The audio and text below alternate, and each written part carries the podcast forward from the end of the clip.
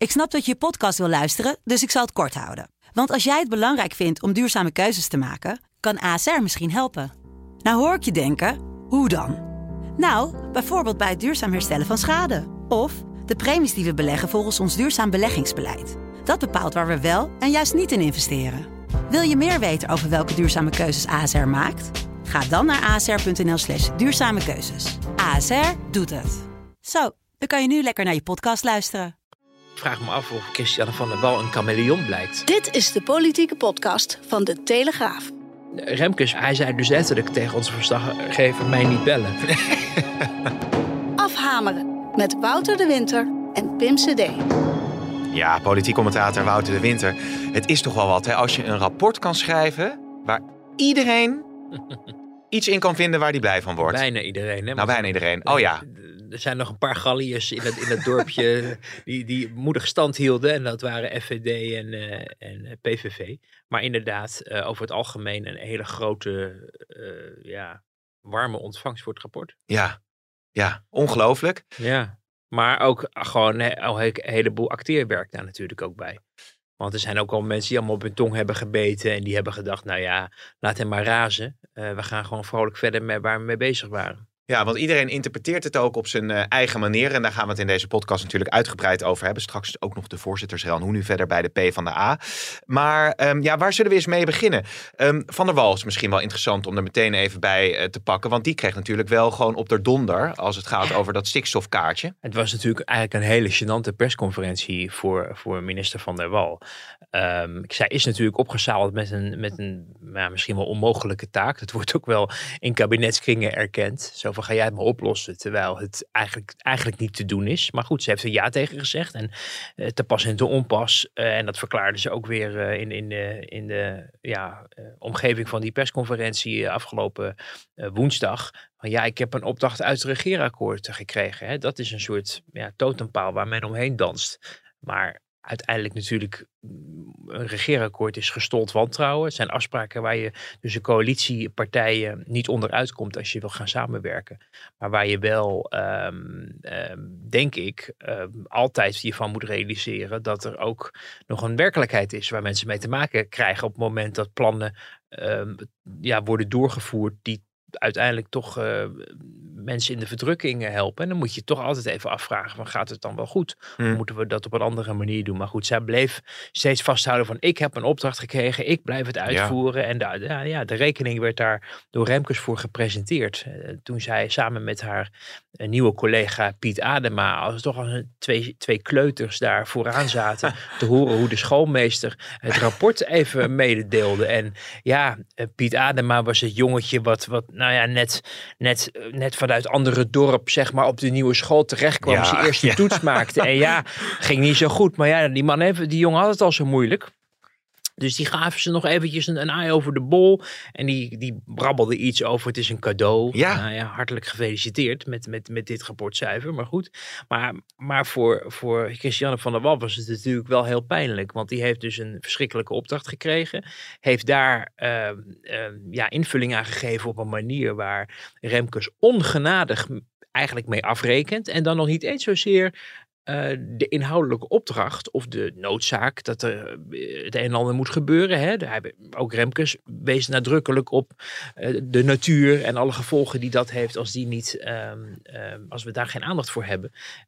En dat er ook een, maar dat er ook tegelijkertijd de realiteit zat voor boerenbedrijven. en ook dat Nederland ook in de toekomst ook een exporteur zal zijn van landbouwproducten maar vooral uh, heel erg hamerde op dat het kabinet niet goed heeft geluisterd. Niet alleen dit kabinet, ook het vorige kabinet en de kabinetten daarvoor.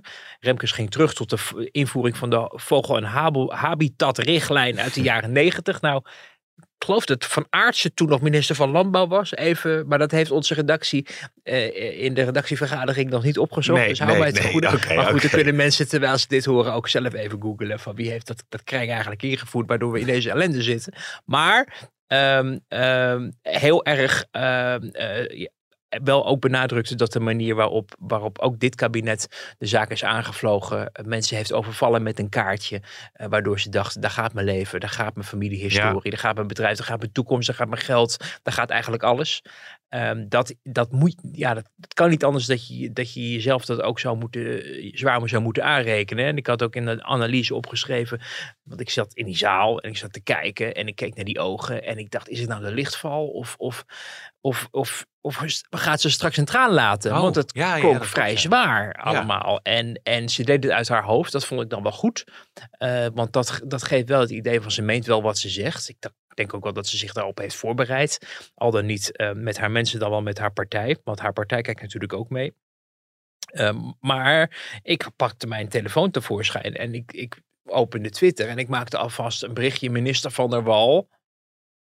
Hè, dat je dan Ja. daar nog, nog Ja, twee andere ja, woorden aan toe kan voegen. Omdat het, het was, ik dacht, ja, het is zo heftig en het is zo hard. Ja, En de opgave is er nog steeds, is eigenlijk alleen nog maar groter geworden. Kan zij dit überhaupt, dit klusje nog wel klaren als je, als je, als jouw hele beleid en de manier waarop jij je werk hebt gedaan het afgelopen half jaar eigenlijk gewoon door de shredder wordt gehaald. ja. Ehm, maar dat eh, bleek absoluut niet het geval. Zo werd mij ook de dag daarna weer verzekerd eh, vanuit haar partij. Want eh, ze ging toch met frisse moed en dansend en zingend de volgende dag alweer door de gangen. Nou, ik weet het niet hoor, maar ik vond dat een beetje overdreven. Want het, het was wel echt een, een ongenadig pak slaag.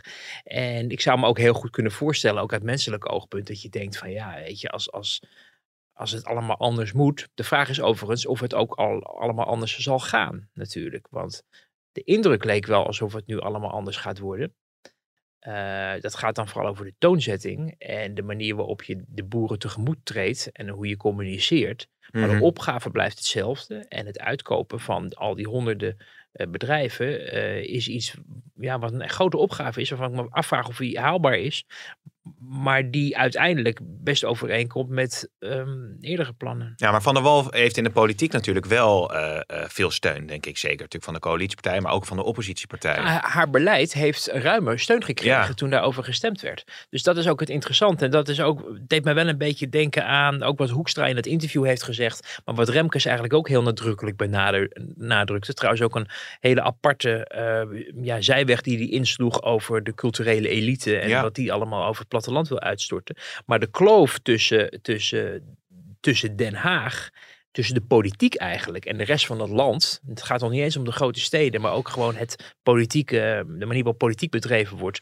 Ehm, en, en de rest van Nederland, daar heeft Hoekstra op gewezen in zijn, in zijn beruchte interview. En, en dat deed Remkes eigenlijk ook. En ehm, ja, je ziet wel dat, dat daar dus ook niet alleen het kabinet voor verantwoordelijk is, maar ook de Tweede Kamer. En je ziet daar de, de voorbeelden van dat dat schuurt natuurlijk met de protesten en met de omgekeerde vlaggen. Maar je ziet het ook op een VVD-congres van, eh, wat was het, juni, waarin ehm, die VVD-achterban met 51% zegt Ja. van we willen dit niet. Dan kan je zeggen, ja, hè, dat waren dan de actievoerders en die hadden zich extra gemeld en zo. Maar al waren het er 48% of 46%, het is een enorm deel van de achterban. En ik weet nog de dag daarna, eh, of kort daarna, eh, Hermans eh, bij de fractievergadering. Nou, we blijven wel achter die doelen staan. We blijven Ja. wel achter die doelen staan. Dat is dan eigenlijk weer de boodschap naar die achterban. Ja. Van ja, het is allemaal goed dat jullie dit signaal Ja, afgeven, we maar we gaan wel ons eh, Precies. plannen uitvoeren. Precies, dus, dus dat, dat was een heel interessant, eh, Ja. ja. een heel interessant, eh, ook constatering ook van, eh, van Remkes, maar ook voor de Tweede Kamer in een brede, ook voor de coalitiepartijen, eh, heel, een hele duidelijke waarschuwing van luister, jullie kunnen het hier allemaal wel met Ja. elkaar eens zijn, want mensen zijn al, al, al lang blij als ze een politiek compromis hebben gevonden waarmee ze een Kamermeerderheid kunnen halen, en waarbij bij de mensen om wie het gaat eigenlijk nou ja, eh, dat, dat, dat zien we dan wel weer. En je Ja. ziet welke ongelukken dat de afgelopen jaren heeft opgeleverd. Met toeslagenaffaire en weet ik wel wat allemaal. Dat het in Den Haag allemaal heel goed leek te gaan.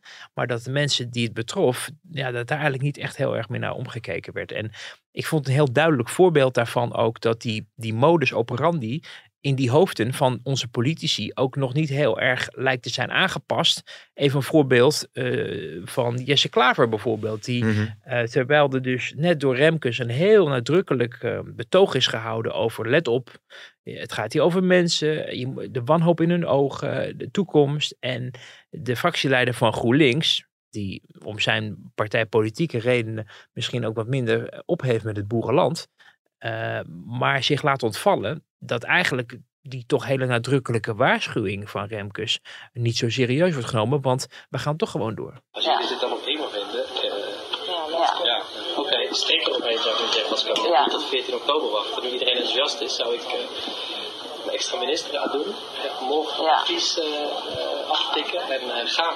Ja, want nu wordt het weer, eh, wat is het, uh, anderhalve week Dat is uitgesteld. veel te lang. En dan gaat iedereen er weer naar kijken. En dan gaan er weer protesten komen, denk ik, als ze echt zien wat erin staat. Ja, Als ze echt zien wat erin staat. dan hè? gaan er protesten komen, strikt eromheen, Ja. snel er doorheen jassen. Kortom, het maakt, het, maakt, het maakt eigenlijk niet uit of die boeren zich eh, dan terecht zorgen zouden maken op het moment dat ze eh, weten wat erin staat. Nee, het partijpolitieke doel moet, moet, moet snel eh, worden afgesproken voordat het te laat is, voordat er weer protesten gaan komen.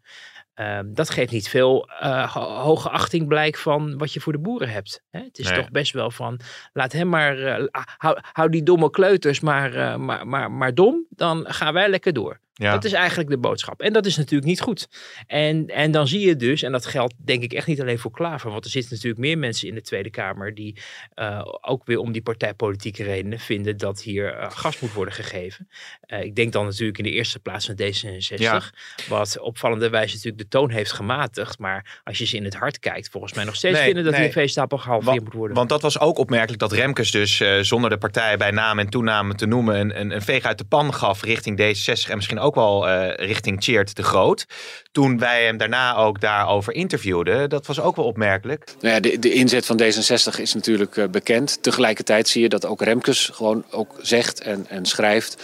Ja, dat je toch eh, gaat werken aan een kleinere veestapel. Maar die uitspraak van de halvering van de veestapel, die, zijn dus, ja, die dragen niet bij aan het ja, versterken tussen de band tussen Den Haag en, en het land. Nou ja, nu, zijn we wel met een pakket bezig...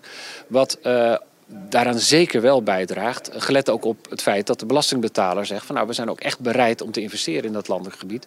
En daar staan we als D66 ook eh, achter. Want als het om die halvering van die veestapel gaat en als het echt gaat over dat, dat meeleven met de boerenemotie, dan, dan, dan, dan zit het er toch nog niet echt in. Nee, nee, nee. En dat wordt nu, om de lieve vrede te bewaren, zal ook in de coalitie eh, ook wel afgesproken om elkaar heel te laten. Dus niet de een op de ander aan te vallen. Dus VVD'ers en CDA's gingen niet roepen van zie je wel met die, met die grootspraak van D66. Want dat helpt D66 dan weer niet en vice versa. Dus ook D66 ook niet eh, moeten uitstralen van kijk eens hoe wij gelijk hebben gekregen. En, eh en, en Bob weer zijn hok is geschopt. Ik weet ook niet of dat helemaal het geval is geweest. Want in feite eh, vond ik dat de duiding en de presentatie van, van Remkes heel veel raakvlakken had met eigenlijk de alarmbel die, die het CDA liet klinken. Misschien wel aan de late kant, maar, maar uiteindelijk zag daar veel overlap in, vond ik. Ehm, maar ehm, ja, wel inderdaad die, die, die terughoudendheid om dat dan maar weer te herhalen. Hè, dat die veestapel eh, gehalveerd eh, moet worden. Eh, maar in feite is men daar nog steeds wel van overtuigd. Ja. En dat gaat, grijpt eigenlijk gewoon terug dat D66 meer een stadspartij is. Eh, en haar kiezers ook heeft eh, onder studenten, jonge mensen, eh, mensen die op zoek zijn naar woningen die er niet zijn. die kunnen pas gebouwd worden als het stikstofprobleem, vergunningverlening niet meer in de weg zit. Dus daar zit ook een hele begrijpelijke politieke motivatie achter. Hè? En dat moeten we natuurlijk ook niet uit het oog verliezen. Dat ehm, het op zich niet zo vreemd is dat als je een grote discussie begint over iets, dat je dan niet al begint met het compromis of met de nuance. Want je bent bang, en dat is de, wat je steeds ook bij D66 achter de schermen hoort, op het moment dat, dat we nu al gaan toegeven en zeggen van nou ja, doe maar 2032, dat is ook goed. Of ach, het, hè, we moeten het ook een beetje realistisch houden, dus die boeren daar. Weet je, dat je dan bang bent dat er uiteindelijk helemaal niks overblijft. Omdat het verleden heeft laten zien over stikstofbeleid, maar bijvoorbeeld ook over klimaatbeleid. Dat op het moment dat je ehm, daar niet heel erg fel in gaat, dat dingen als onder grote politieke druk, maatschappelijke druk, druk uit de eh, bedrijfsleven, heel erg verwateren. En dat er dan uiteindelijk er niet zoveel overblijft. Dus men, men, men gaat nog steeds wel uit van de noodzaak om dingen scherp te blijven benoemen, omdat het anders niet gaat lukken. Maar ja, men realiseert zich natuurlijk ook wel dat aan het einde van de rit er een compromis uitkomt. Maar die halvering van die veestapel staat in het verkiezingsprogramma van D66. Maar staat dat zo letterlijk in het coalitieakkoord? Nee, toch? Nee. Nee, dat ging meer richting de 30 procent. Ja. Tenminste, dat was de, de. We hebben er toen met Christiane van der Wal over gesproken. Van hoeveel boeren moeten er nou weg? En ik, ik meen dat zij in dat interview wat we met haar hadden, had gezegd 30 procent. dus dat komt nog. Maar goed, dat zijn dan van die, van die absolute getallen. Want hè, niet, het betekent niet voor iedere agrariër hetzelfde. Men wil nu de piekbelasters aanpakken. Het Ja. zal betekenen dat er misschien eh, bij sommige bedrijven, niet alleen per se de boerenbedrijven, maar ook andere eh, bedrijven, het betekent dat daar heel snel wordt ingegrepen. Dat het soms wel om 100% zal gaan. Dat zo'n bedrijf gewoon moet stoppen als het niet verplaatst kan worden. En dat betekent niet dat daarmee alle boeren in de bepaalde gebieden die dat gedetailleerde, beruchte kaartje stonden, daarmee allemaal eh, eh, per se ehm, Nee. met per- dezelfde percentages voor gaan Dat moet weer iets meer ruimte bieden natuurlijk als je die piekbelasters Ja, eruit of haalt. met innovatie, wat natuurlijk wel Ja. heel belangrijk was, waar je vanuit de boerensector heel veel de nadruk op hoorde en waar eh, Remkes ook echt aandacht voor vroeg. Hè, perspectief, maar ook innovatiemogelijkheden, wat eigenlijk ja, door andere, ja, wat kritische mensen over het stikstofdossier heel vaak is weggewuid van daarmee ga je het niet redden en dan zal je het ook niet allemaal mee redden. Maar eh, het luisteren naar, naar, naar boeren, eh, naar hun bezwaren, naar hun zorgen, eh, dat was de grote les. Ja. En, en dat mag het kabinet eh, zich echt aanrekenen. Dat dat gewoon onvoldoende is gebeurd. Maar ja, wat, want jij hebt eerder ook in eh column geschreven over onthechting tussen politiek Ja. en de samenleving. Ja, wat betekent dit dan voor de grote dossiers die er ook nog allemaal aan gaan komen? Want gaat die onthechting eh, dan teniet worden gedaan? Eh, moeten ze elke keer op audiëntie bij Remkes voordat ze be- be- besluitvoering eh, communiceren? Nee, nee, met- nee, nee, die mij niet bellen. Nee, nee, gezegd, nee. Maar hoe ga je dat dan waarborgen dat, dat dat in de toekomst beter gaat? Want je kunt wel elke keer beloven dat, dat het de volgende keer beter gaat. Maar ja, waar, waar- waar- hoe, hoe dan? Nou ja, dat vraag ik me ook af. En ik vraag me af of, of Christiane van der Wal een chameleon blijkt. Die van kleur verschiet en van haar, ik doe, voer het regeerakkoord uit en het kan niet anders. Ik vind het ook allemaal heel erg en zielig voor die boeren. eh, een toon weet aan te slaan dat mensen het idee hebben dat zij eh, rekening houdt en zich ook in het kabinet sterk zal maken, ook over de haalbaarheid van plannen. Kijk, je moet voor ook de, recht, de rechter wil ook dat er een stip op de horizon staat. Daarom is dat getal van 2030 blijft overeind. Maar wel die evaluatiemomenten van 2025, 2028. Maar de rechter zou niet genoegen nemen met, nou, we gaan ons best doen en we zien Nee. je wel in 2030. Eh, dus je begrijpt wel dat, dat die, die stip op die horizon gezet moet worden. Maar ehm, de minister zou, denk ik, en dat geldt uiteraard ook voor de minister van Landbouw, hè, die nieuwe Piet Adema. Eh, dat die ehm, eh, zich alle twee niet zozeer tegenover de boeren, maar naast de boeren Ja. opstellen.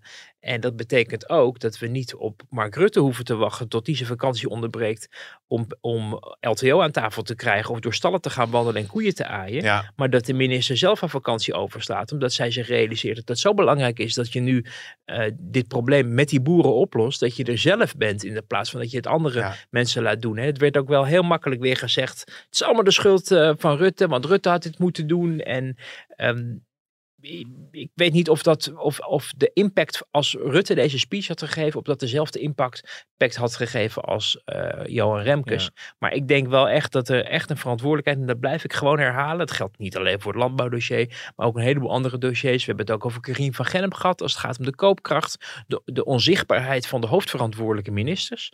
eh, die is wel in dit kabinet groot. En ook misschien wel iets anders dan in het vorige kabinet Rutte. Toen ook Rutte zei, ga maar het land in. Ga maar met die mensen spreken. Ga, naar ze luisteren. Iemand als Hans Veilbrief, de staatssecretaris van Mijnbouw, doet dat wel. Hè? Ja. Die gaat elke maand gaat hij naar Groningen, eh, een week of een paar dagen of zo, om daar te luisteren. Met mensen te spreken. En dat geluid en die zorgen van die Groningen luistertour. is, is, is veel meer nu aanwezig in het Haagse Ja. eh, over, over Groningen dan, dan ooit. En je ziet ook dat dat tot een bepaalde kortsluiting leidt. Want je hoort eh, de, ja, Den Haag hè, in den brede zeggen van... nou ja, misschien moeten we toch maar weer gaan winnen. Want eh, het is toch allemaal moeilijk met die gaswinning. En de prijzen zijn zo hoog. En we zijn naïef, want er zit een duizend miljard in de grond daar. Huppakee, eh, open. En we geven ze wel wat geld en verder, verder klaar. En, en je ziet dat de, de, de aanvliegroute van Hans Veilbrief daar volledig bij detoneert. Omdat hij het, het, het betoog nu van de Groningers probeert door te laten klinken. Daar eigenlijk voor het eerst. Eigenlijk ja, niet te benijden. Want ik weet niet of hij het uiteindelijk gaat redden. Ten opzichte van de, de politieke werkelijkheid. Maar zo zie je, hij is een uitzondering. Maar op een heleboel andere vlakken. En het stikstofdossier vond ik daar een belangrijk punt. Eh, energieprijzen. Hè, we hebben ook Rob Jetten pas recent echt zich daar ook publiekelijk op televisie en in interviews daar. daar eh, Ja, daar is een tandje bij gezet. ja, die, is echt, die heeft zich ineens gerealiseerd van... hé, hey, dit- hier word ik op aangekeken. Hier ben ik minister voor. Misschien moet ik, moet ik Ja. me ook laten zien... en mensen geruststellen of helpen of uitleggen. En dat is, ehm, nou ja, op stikstofdossier denk ik gewoon niet goed gegaan. Nee, maar goed, eh, nog één punt daarover. Want je kunt wel, we hebben het natuurlijk eerder ook over gehad, het land ingaan en met die boeren gaan praten. Maar als ze zich nog steeds niet gehoord voelen, dan bereik je eh, nog niet zoveel. Alleen fysieke aanwezigheid is wat dat betreft ook niet voldoende. Remkes had het nou juist natuurlijk echt over het feit, die, die, die stipte echt dat die culturele en emotionele Ja, kloof ja. aan die er op dit moment heerst. Maar ja, als bewindslieden dat niet voelen, dan, dan kom je nog nergens. Nee, Of- precies. Dus dat is, een, eh, dat is iets wat, wat dus ook moet veranderen. Maar je hoorde eigenlijk ook van coalitiekamerleden... die ook allemaal hun handtekening hebben gezet onder die stikstofkoersen... en die grote opgaves. Onder de tijdsdruk, want er moest een kabinet komen in de, en in de formatie... en het duurde allemaal veel te lang. Het moest allemaal voor december klaar. Dus men heeft handtekeningen gezet zonder dat men heel goed heeft nagedacht Ja. over... is het allemaal haalbaar? En ehm, je hoorde er vervolgens de afgelopen maanden, omdat toen al die coalitiekamerleden, ook, eh, ook de top van de coalitiekamerleden, eh, wakker was geschud en inderdaad de stallen inging. En de verhalen dat ze terugkwamen. En ik heb wel met een paar gesproken. Van verschillende politieke achtergrond eh, overigens. Niet alleen maar van de usual suspects. Die zeiden van, nou, ik heb toch weer dingen gehoord waarvan ik eigenlijk dacht, nou, dit is eigenlijk helemaal niet zo onredelijk. Wat die mensen zeggen. En dat ging dan over het feit dat ze zich niet gehoord voelden en emotioneel. Maar ook om oplossingsrichtingen waar men in Den Haag eigenlijk nog, nog nooit aan gedacht had. Of de ruimte had geboden van, goh, zou het op die manier ook kunnen? En wat hebben jullie eigenlijk al gedaan? Hè? Ook iets wat heel erg onderbelicht is geweest. Dat Ja. eh, ook een heleboel boeren natuurlijk al eh, veranderingen hebben doorgevoerd. En, op de, eh, en ook op de goede weg zitten. En dat dat trajecten zijn die, die niet zoveel te maken hebben met een jaartal. Maar veel meer met een ja, groeimodel of een, of, een, of een transitie naar een andere eh, bedrijfsstructuur, verdienmodel. Eh nou ja, allerlei zaken, innovatie, allerlei zaken waar je, als je daar naar luistert, dat je denkt, oh, maar ik Mm. blijf toch wel staande houden dat dat natuurlijk in de eerste plaats de verantwoordelijk is van eh, nou ja, de volksvertegenwoordiger om te luisteren en die dingen mee te nemen, maar dat ook eh, het kabinet die, die, die verantwoordelijkheid eh, natuurlijk ook een beetje Ja, laten schieten. Maar ondertussen zal Rutte nog even een telefoontje plegen naar Remkes. En zeggen, dat heb je weer fijn gedaan, dankjewel. Nou, het was wel echt de laatste, de laatste mogelijkheid, denk ik. ik. Ik weet niet wat er was gebeurd als Remkes niet was ingeroepen. Dus het is wat dat betreft wel goed dat men dat heeft gedaan, denk ik. Wie kan dat nog meer? Wie heeft ook dat Ja. vermogen om zo'n Remkesrol op zich te nemen? Vind ik erg ingewikkeld om dat te beoordelen. Er is nog wel eens iets over die, die Kees Veerman. Oh ja. is nog wel eens opkomen drijven. Maar goed, die heeft denk ik bij een ander deel van het politieke spectrum eh, toch het idee als een, iemand die het mede veroorzaakt heeft. Want die was zelf ook eh, minister van Landbouw en misschien dan weer te veel. Eh, en Remkes heeft natuurlijk ook al eerst dan vanwege zijn afkomst en zijn dictie... Ja. geef je het gevoel dat hij wat meer met zijn poten in de modder staat... Ja. dan op het, op het, op het chique plaveisel van de Hofstad. Maar eh, het wordt wel ingewikkeld. En je, je moet je ook wel afvragen. En ja, ik weet niet of het kabinet daar ook nog tijd voor maakt. Maar ehm, ehm, dit, dit soort dingen kan je natuurlijk niet nog een keer hebben Nee, over de nee, grote issues. nee. En er komen natuurlijk nog grotere issues aan. We weten niet wat de energieprijzen gaan doen, wat met de portemonnee gebeurt van Nederlands, de armoede die, die eh, gaat toenemen, de veiligheidssituatie, het klimaat. Eh, vraagstuk eh, wonen, hè, dat is, hoor je ook wekelijks inmiddels teleurstellende Ja. berichten over. Hoewel nu de prijzen omlaag gaan, dus wie weet wat dat weer voor effect eh, heeft uiteindelijk op het, op het aanbod. Maar ehm, Remkes, hij zei dus letterlijk tegen onze verslaggever mij niet bellen. Wat ik wel, wel grappige, buitengewoon moderne spraak vond voor een man waarvan je denkt dat hij, ehm, Ja, ja, hoe zullen we dat eens Oh, ja ik zit me af te vragen. Ja, nou niet, Die geen al, eh, TikTok-filmpjes maken. Nee, Zullen we het zo- ja, ja, ja, ja, zo is het, zo is het. Nou, dan gaan we het over een ander, eh, ja, ik wou zeggen, nee, interessant onderwerp hebben. De voorzittersrel. Ja, als het gaat over die, dat, ik kreeg overigens een bericht van een vast eh, luisteraar. Oh, En wat een interessant punt is, is dat, dat anonieme, hè, die anonieme meldingen. Mhm. Ja, laat die mensen dan gewoon z- naar buiten komen wie het zijn. Want hoe kun je nou iemand afserveren op anonieme meldingen? Nou, toen, ja, toen heb ik nog teruggezegd van ja, als het echt zeer heftige aantijgingen gaat, is het misschien ook wel logisch dat je dat niet met naam en toenaam eh, durft te noemen. ja. We hebben de beste luisteraar, zeg ik natuurlijk uh, nog even bij. Um, nee, het is, het is, het is anoniem. Dat is verschrikkelijk. Het gekke is natuurlijk wel dat ook de journalistiek, uh, heel vaak ook hier, het feit dat wij het over van alles en nog wat hebben. Wij, wij, wij we noemen ook, en ik haal ook veel mensen aan die voor de luisteraar anoniem zijn en voor mij en voor jou uh, niet. omdat op het moment dat je dat niet zou doen, je weinig hebt om over te spreken, behalve als mensen onder record willen. Uh, en dan laten ze meestal niet het achterste van hun tong zien. En dat doen ze wel op het moment dat ze anoniem iets kunnen vertellen. Maar hoe kun je toetsen Precies. wat de kern van die beschuldigingen is? En is het genoeg om een onderzoek uh, te laten is, uitvoeren? Ja, nee, maar dat is inderdaad, dat is natuurlijk, en dit over kijk, als jij anoniem uh, bij een journalist insteekt van uh, het een heftige fractievergadering, want uh, de helft was voor en de helft was tegen. Maar noem mij niet, want, want ik mag niks uit de fractievergadering zeggen. Ja, weet je, dan is dat iets anders dan dat je brieven schrijft waarin je zegt. die en die persoon is een monster en heeft allerlei kwaadaardige dingen gedaan. Zonder dat diegene zich daartegen kan verweren omdat je niet weet van wie het komt. Uh, nog los van het feit of het verhaal wel klopt. Überhaupt. En of het niet verzonnen is, of dat het niet is aangedikt, of dat het niet via via een groter verhaal is geworden dan het oorspronkelijk was. Ook dat zijn dingen die, die mogelijk zijn.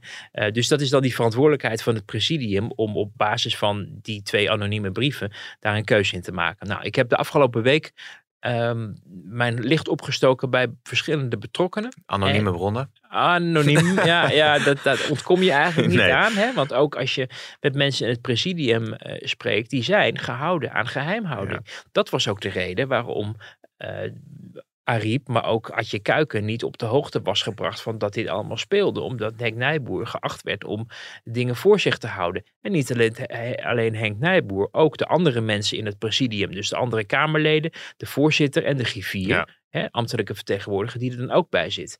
Uh, we weten uit ervaring over wat er in het presidium gebeurt. Dat ik had hem van de week ook ergens geroepen. Uh, als, je, als je iets wil dat iets uitlekt, moet je het van een presidium mededelen. Omdat je weet dat het dan gaat uitlekken.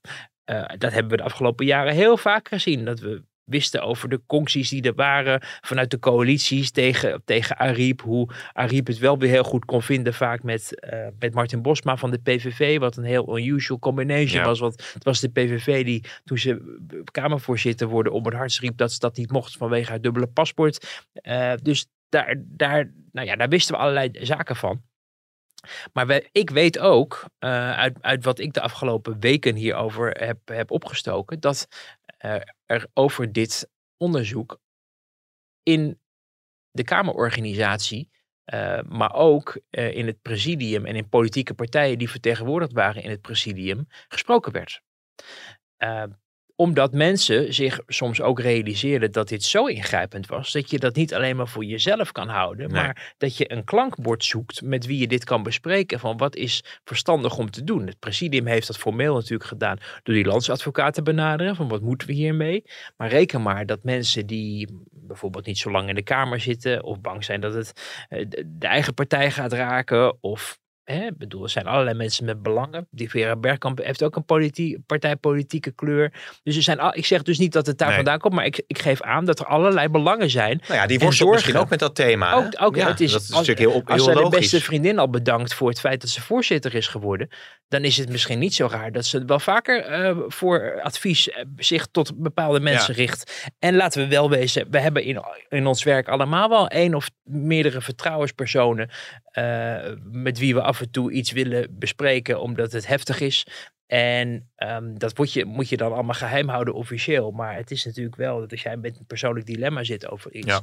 Dat je, ik bedoel, ik heb natuurlijk, ik kan gelukkig altijd naar mijn baas. Maar wie, wie heeft een, wie, heeft, wie, wie is eigenlijk de baas van het, ja, het Kamerlid, misschien de fractievoorzitter, maar die mag het niet weten, want het is geheim. Kortom, dat is bijna niet te doen. Nee. Dus dat daar dingen worden, worden besproken. En dan, nou ja, ik, ik stak dan de afgelopen uh, tijd ook mijn licht op over, oké, okay, maar wat is dan precies het grensoverschrijdende gedrag geweest? He, want daar wordt veel over, het is een soort allegaatje geworden grensoverschrijdend. Het begon eigenlijk met, met dingen die aan het seksuele uh, raakten. Ja. Hoewel een van onze luisteraars mij ook uh, op het hart drukte dat uh, seksuele intimidatie met de machtsverhouding te maken heeft en niet zozeer met seks. dat natuurlijk ook belangrijk is om te vermelden. maar goed, daar heeft het dan niet mee te maken. ehm, is er dan sprake van geweld? Nou, dat kreeg ik ook niet terug in de gesprekken die ik, die ik had. Nee, waar het mee te maken had, was pesten en kleineren. Dat waren de zaken die kennelijk hebben plaatsgevonden op een dusdanige schaal dat veel mensen daarmee te maken zouden hebben. Eh, en dan zagen wij zelf, konden wij zelf over berichten, eh, en dat stond ook in de NRC, dat eh, er kennelijk geklaagd werd over het feit dat in vergaderingen er een stoel werd weggehaald. Ja. In de hoop dat iemand die Khadija Ariep dan niet mocht, niet kon zitten en dus niet mee zou doen aan de vergadering of wegging of wat dan ook.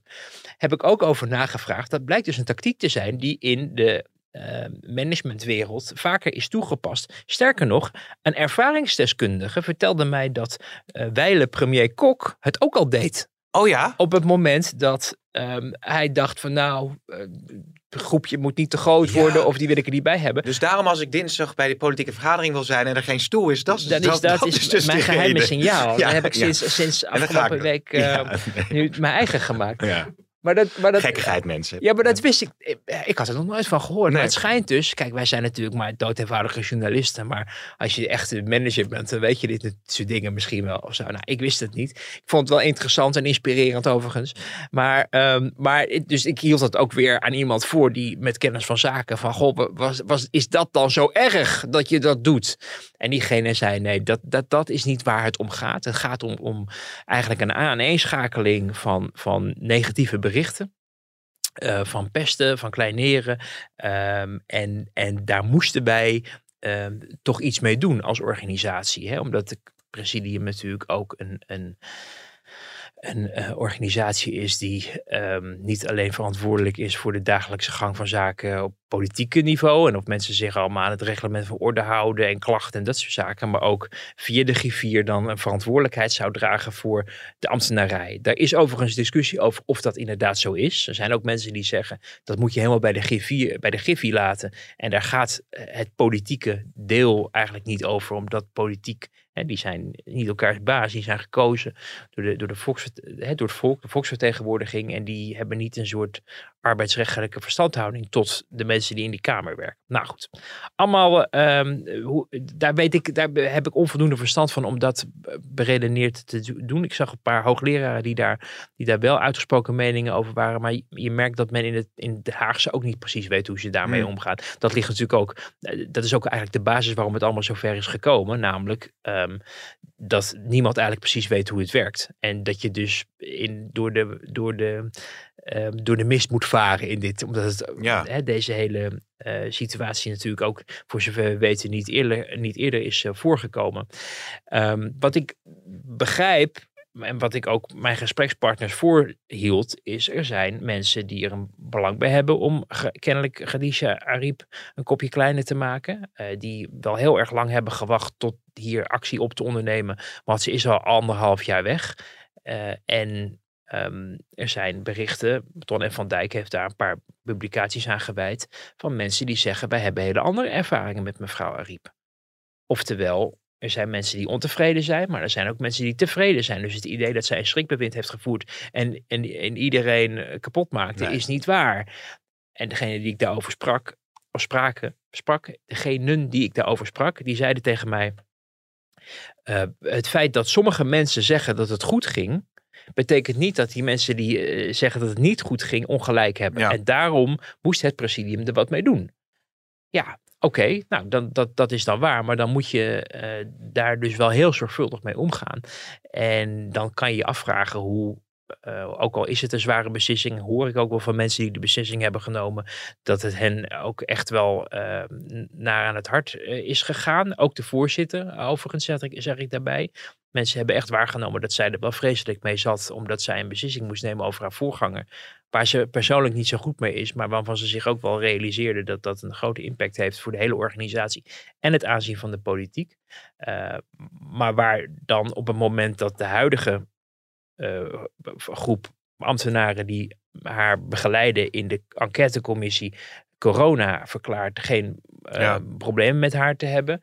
Eh, er toch nog steeds dan weinig anders overblijft dan mensen die mogelijk slecht zijn behandeld in het verleden, daar wel erg lang eh, ja, toch niet op hebben doorgedrukt, ook in de organisatie niet, tot anderhalf jaar nadat ze is Ja. afgetreden. Waarbij je toch moeilijk tot een andere conclusie kan komen. Dat het feit dat het is uitgelekt illustreert dat daar een politiek belang achter zat om voor eens en voor altijd af te rekenen. Een politiek of een ambtelijk belang om voor eens en voor altijd af te rekenen met Khadija Ariep. Ja, ja, ik vraag me af of dat pesten dan verder eh, behelst. Hè? Heb je nog meer details eh, gehoord? Ehm, Nijboer had het, eh, toen hij uit het presidium de beslissing had genomen uit het presidium te stappen, Mhm. die had het over eh, ernstig, eh, serieus en helaas eh, niet incidenteel.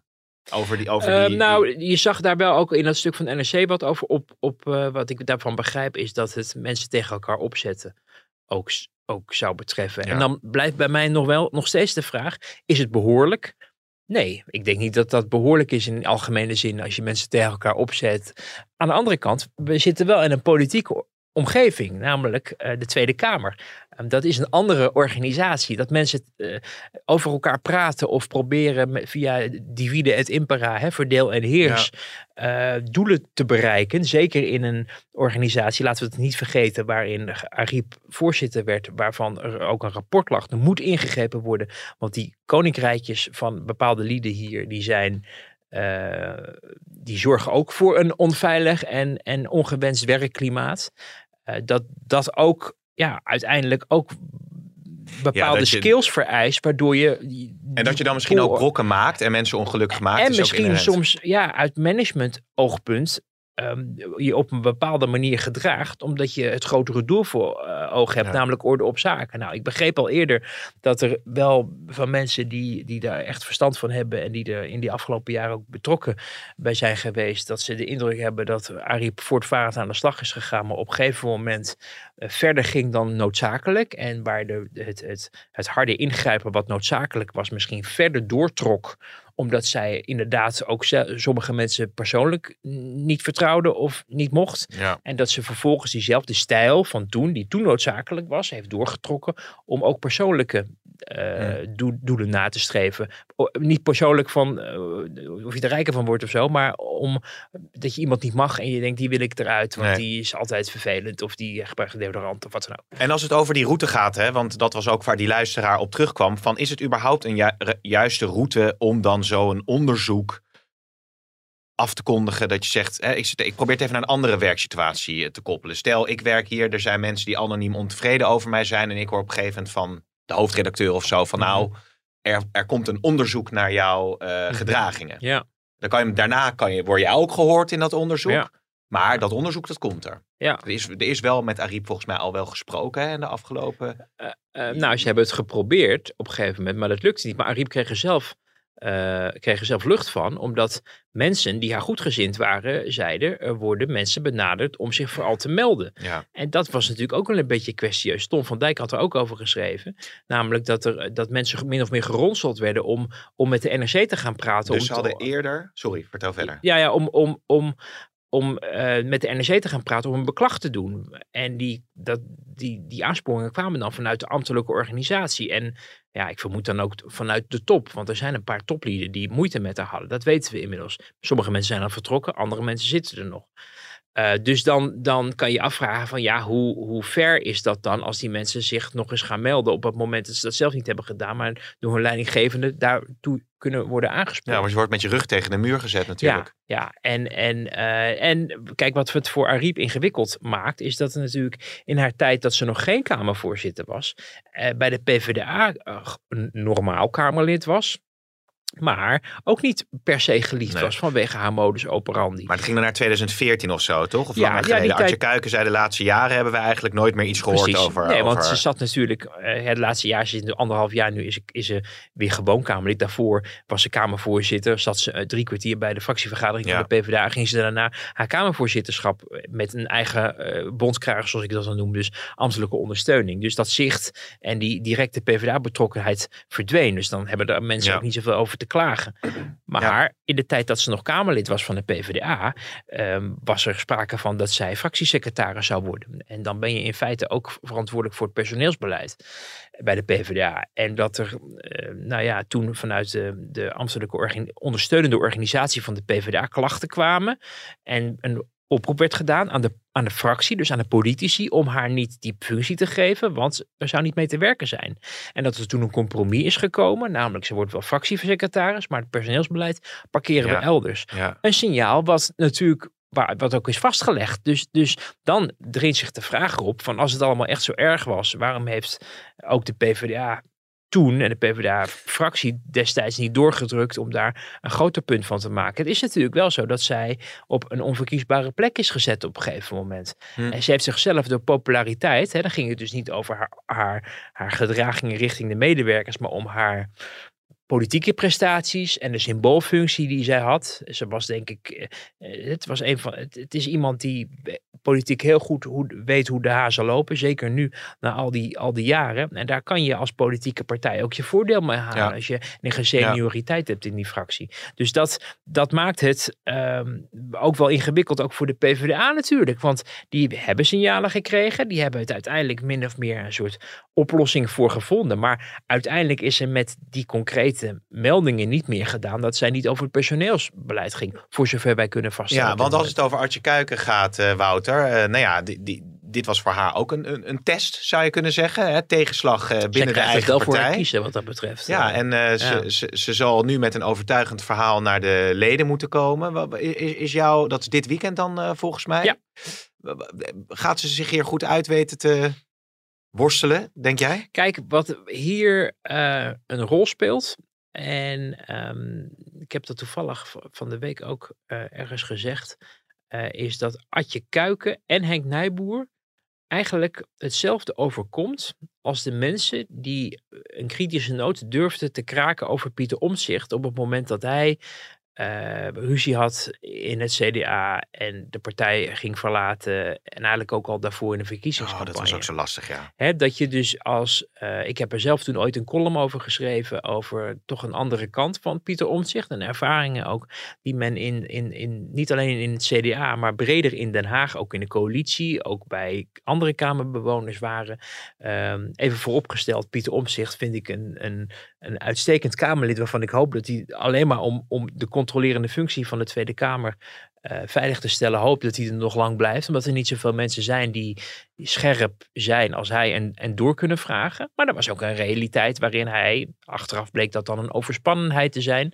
eh, maar al voordat hij officieel overspannen was en thuis zat, mensen moeite hadden om met hem een team te vormen. En, en door één deur Hmm. te kunnen, omdat er, eh, hoorde je dan vaak, niet mee te werken viel. En ik heb zelf ook wel eens dingen geobserveerd in die kamer, eh, waarvan ik dacht van, nou, dat is wel anders dan het, ehm, het- het gebruikelijke, zullen we Ja. maar zeggen.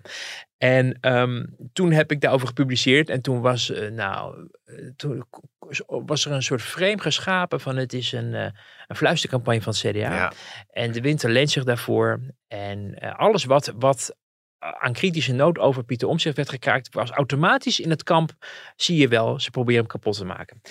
En hetzelfde heb ik, vind ik die analogie wel op zijn plaats, overkomt nu ook ehm, eh, Kuiken en Nijboer. Niet in de laatste plaats, omdat Khadija Ariep zelf ook wijst naar hen als mede verantwoordelijk. In eerste plaats van Nijboer, maar ook haar fractiegenoten hebben haar niet beschermd op het moment dat er een brief was met opheldering. En heeft ze heel erg nadrukkelijk gewezen naar, naar de PvdA. Terwijl ehm, de PvdA, hoe je het ook bent of keert, is wel de partij die haar bijna 25 jaar de mogelijkheid gegeven om haar politieke carrière ook vorm te geven. Het is natuurlijk een wisselwerking. Het is geen liefdadigheid geweest, maar ik heb dan wel zoiets van, nou, als je in een team zit en zo tekeer gaat op het moment dat je zelf in de problemen komt, vond ik niet heel Nee. netjes of verstandig.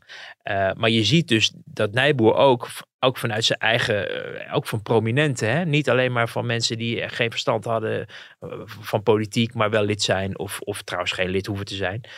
Maar ook van prominenten die, die eigenlijk ook hem en collega's uit zijn fractie de schuld gaven van wat Khadija Ariep aan het overkomen was.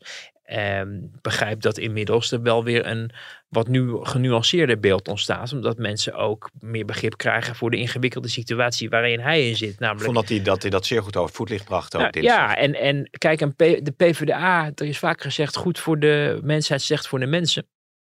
Eh, maar een PvdA-Kamerlid zou natuurlijk ook geen knip voor de neus waard zijn. Dat als er serieuze eh, beschuldigingen. Om wat voor reden dan ook. Hè? Want laten we niet vergeten, die timing, ik, ik, dat verraadt eigenlijk dat er kwaadaardigheid in het spel zit. Uh, betekent niet dat, die, dat de dingen die worden aangedragen onwaar zijn. Maar een Kamerlid van de PvdA dat die dingen niet serieus zou nemen, uh, is is vanuit alleen als zijn partijpolitieke achtergrond al niet geloofwaardig. Laat staan dat hij dan een partijgenoot uit de wind zou proberen te houden op zo'n moment. Dus, dus, dus die, hij staat in een onmogelijke spagaat. En je hebt nu wel, uh, je ziet nu wel ook in, in de, de reacties ook, en dat proef je ook wel bij de PvdA als je PvdA'ers belt, dat daar ook wel begrip voor aan het ontstaan is. Maar wat weer aangeeft hoe snel mensen alweer tot conclusies kwamen. Van ja, die Nijboer die deugt eigenlijk ook niet of zo. Wat, wat toch ook voor iemand die ook al tien jaar in de Kamer zijn best doet voor de sociaaldemocratie ook natuurlijk niet heel erg leuk was om te horen. Ik sprak nog Wieman van Hagen trouwens over die coronacommissie die er natuurlijk komt. Hij was er echt uh, ziek van dat uh, Ariep uh, daar weg is. Want hij, het is best een apart clubje hè, met Van Houwelingen zit erin, Vicky Maaier zit erin, Van Hagen zit erin, ook wel corona-sceptici. Ja. Ariep was natuurlijk, zei hij, een soort verbindende factor mhm. daarin. Die misschien dat, dat gedeelte ook nou ja, enigszins rustig kon houden. Nou ja, dat is wel boeiend wie dat dan moet gaan doen natuurlijk. nou, ik denk inderdaad die verbindende factor. Er werd heel, heel smalend over gesproken. Van nou, dat wordt een puinhoop. Uh, maar ik dacht, ja, als één iemand het kan. Dan is zij het wel vanuit het feit dat ze achtergrond had als, uh, als, als Kamervoorzitter. En ik denk ook dat we, dat we haar onrecht doen als we niet ook blijven benoemen dat los van wat er is gebeurd in het ambtelijke contact. Wij waren er niet bij. We kunnen het op dit moment niet vaststellen of het waar is, behalve dat er veel verhalen over zijn. Maar dat de politieke uh, antenne van uh, Khadija Arib niet zoveel mis is. En dat hij natuurlijk gezag heeft opgebouwd als Kamervoorzitter. Uh, je zag het al in de contacten ook met Forum voor Democratie notabene, maar ook met de PVV. Ik benoemde net dat zij het goed met, met Martin Bosma kon vinden. En als je wilde dus een beetje presten van ja, wat wil je nou eigenlijk? Wil je nou Khadija Arib of Vera Bergkamp als voorzitter? Ja. Dat die eigenlijk ook niet een heel duidelijk antwoord kreeg. Omdat zijn eerdere uitspraak van Arie ja, die worden vanwege... natuurlijk. Ja, dubbele paspoort. Maar ja, nu krijg je een paladijn van de, van de coalitie op die plek. Met alle gevolgen van dien. Dus je, je zag daar de, ja, de, de, de moeilijkheid ook die men het liefst maar onbenoemd eh, liet. Um, en um, nu er geen sprake meer is van Ariep, kan ook, het kan een andere voorzitter, uh, komt er. Weet niet of de PvdA mee gaat doen überhaupt met, met deze commissie. Dan kan de verhouding in die commissie ook veranderen. Want Liane Den Haan, die er dan onderdeel van is, wordt geacht toch in het kamp van de coalitie te zitten. Dat zal ze niet zo leuk vinden misschien als ik dat zeg, maar daar wordt er wel over, over nagedacht, ook in de coalitie. Um, er is een vermoeden dat uiteindelijk de FVD uh, en of de PVV uh, of Van Haga uh, de boel gaat verlaten. Je zit ook met die nazi-vlag natuurlijk. Dat, hè? dat is ook nog een thema. Ja. Maar, maar ook dat ze om, om hun moverende reden op een gegeven moment een politieke show ervan kunnen maken. Om uh, uh, aan de achterban maar uit te stralen dat het allemaal niet deugt of zo. Hè, daar moet je toch altijd rekening mee houden. We hebben het eerder ook gezien in die verhoren met, over de moskee-financiering. dat er ook ineens met veel aplomb een PVV'er vertrok. Uh, om, omdat ze dachten, ja, wij willen niet onze partijhandtekening al onder dit slappe rapport te gaan zetten. Uh, want dat werd een slap rapport. Um, dus, dus dan, dan kom je er dus achter dat er ook nog ruimte moet zijn in de beschouwing van dit alles en het duiden van waarom dit allemaal naar buiten komt rond Ariep, dat het nog een ander belang kan zijn, los van het vereffenen van rekeningen over het verleden, maar dat je haar uit de weg probeert te ruimen, politiek gezien, om uh, geen ongelukken te laten gebeuren in de parlementaire ja. enquêtecommissie naar corona, die echt wel de potentie heeft om Rutte van het veld uh, te schaken. Ja, dit is boeiend zeg. En, ik, en nog wat andere even, ministers ik laat, het, ik laat het even, even bezinken. Ja, ja, maar ik wilde ook een stokje water nemen. Dus, ja, dus, dit is zeer fascinerend. Nou, ik zit meteen te denken inderdaad met die coronacommissie... dat dat de komende tijd nog natuurlijk ongelooflijk veel uh, interessants uh, kan gaan, uh, gaan opleveren. Ja. Maar we, we moeten het nog even over Rutte hebben, want die zit in Praag. Ja, ja, dat, dat, is toch ook wel weer bijzonder. Ik uh, zag uh, beelden en ook vanochtend een foto voorbij komen van hem samen met Olaf Scholz, de bondskanselier van Duitsland, en Emmanuel Macron, de president van Frankrijk, samen wandelend met om hen heen natuurlijk een schare aan media en, en, en blijven wachten. Door Praag op weg naar de Eurotop die dan vandaag is. Het is vandaag vrijdag. En gisteren was dan die ingelaste, het ingelaste vehikel van eh, Europa en de buren. Waarin ook eh, hè, Erdogan bij zat, maar ook eh, Liz Truss, die ook de hemel in werd geprezen door Rutte. Want Rutte wil vooral hè, de lijnen open houden en lekker samen en eenheid naar richting Rusland uitstralen. Maar Rutte, ook vanwege de discussie die ze natuurlijk hadden over energie. Ehm, tussen Macron en Scholz en, en hij. ehm, uitstraalt dat hij een van de grote mensen is.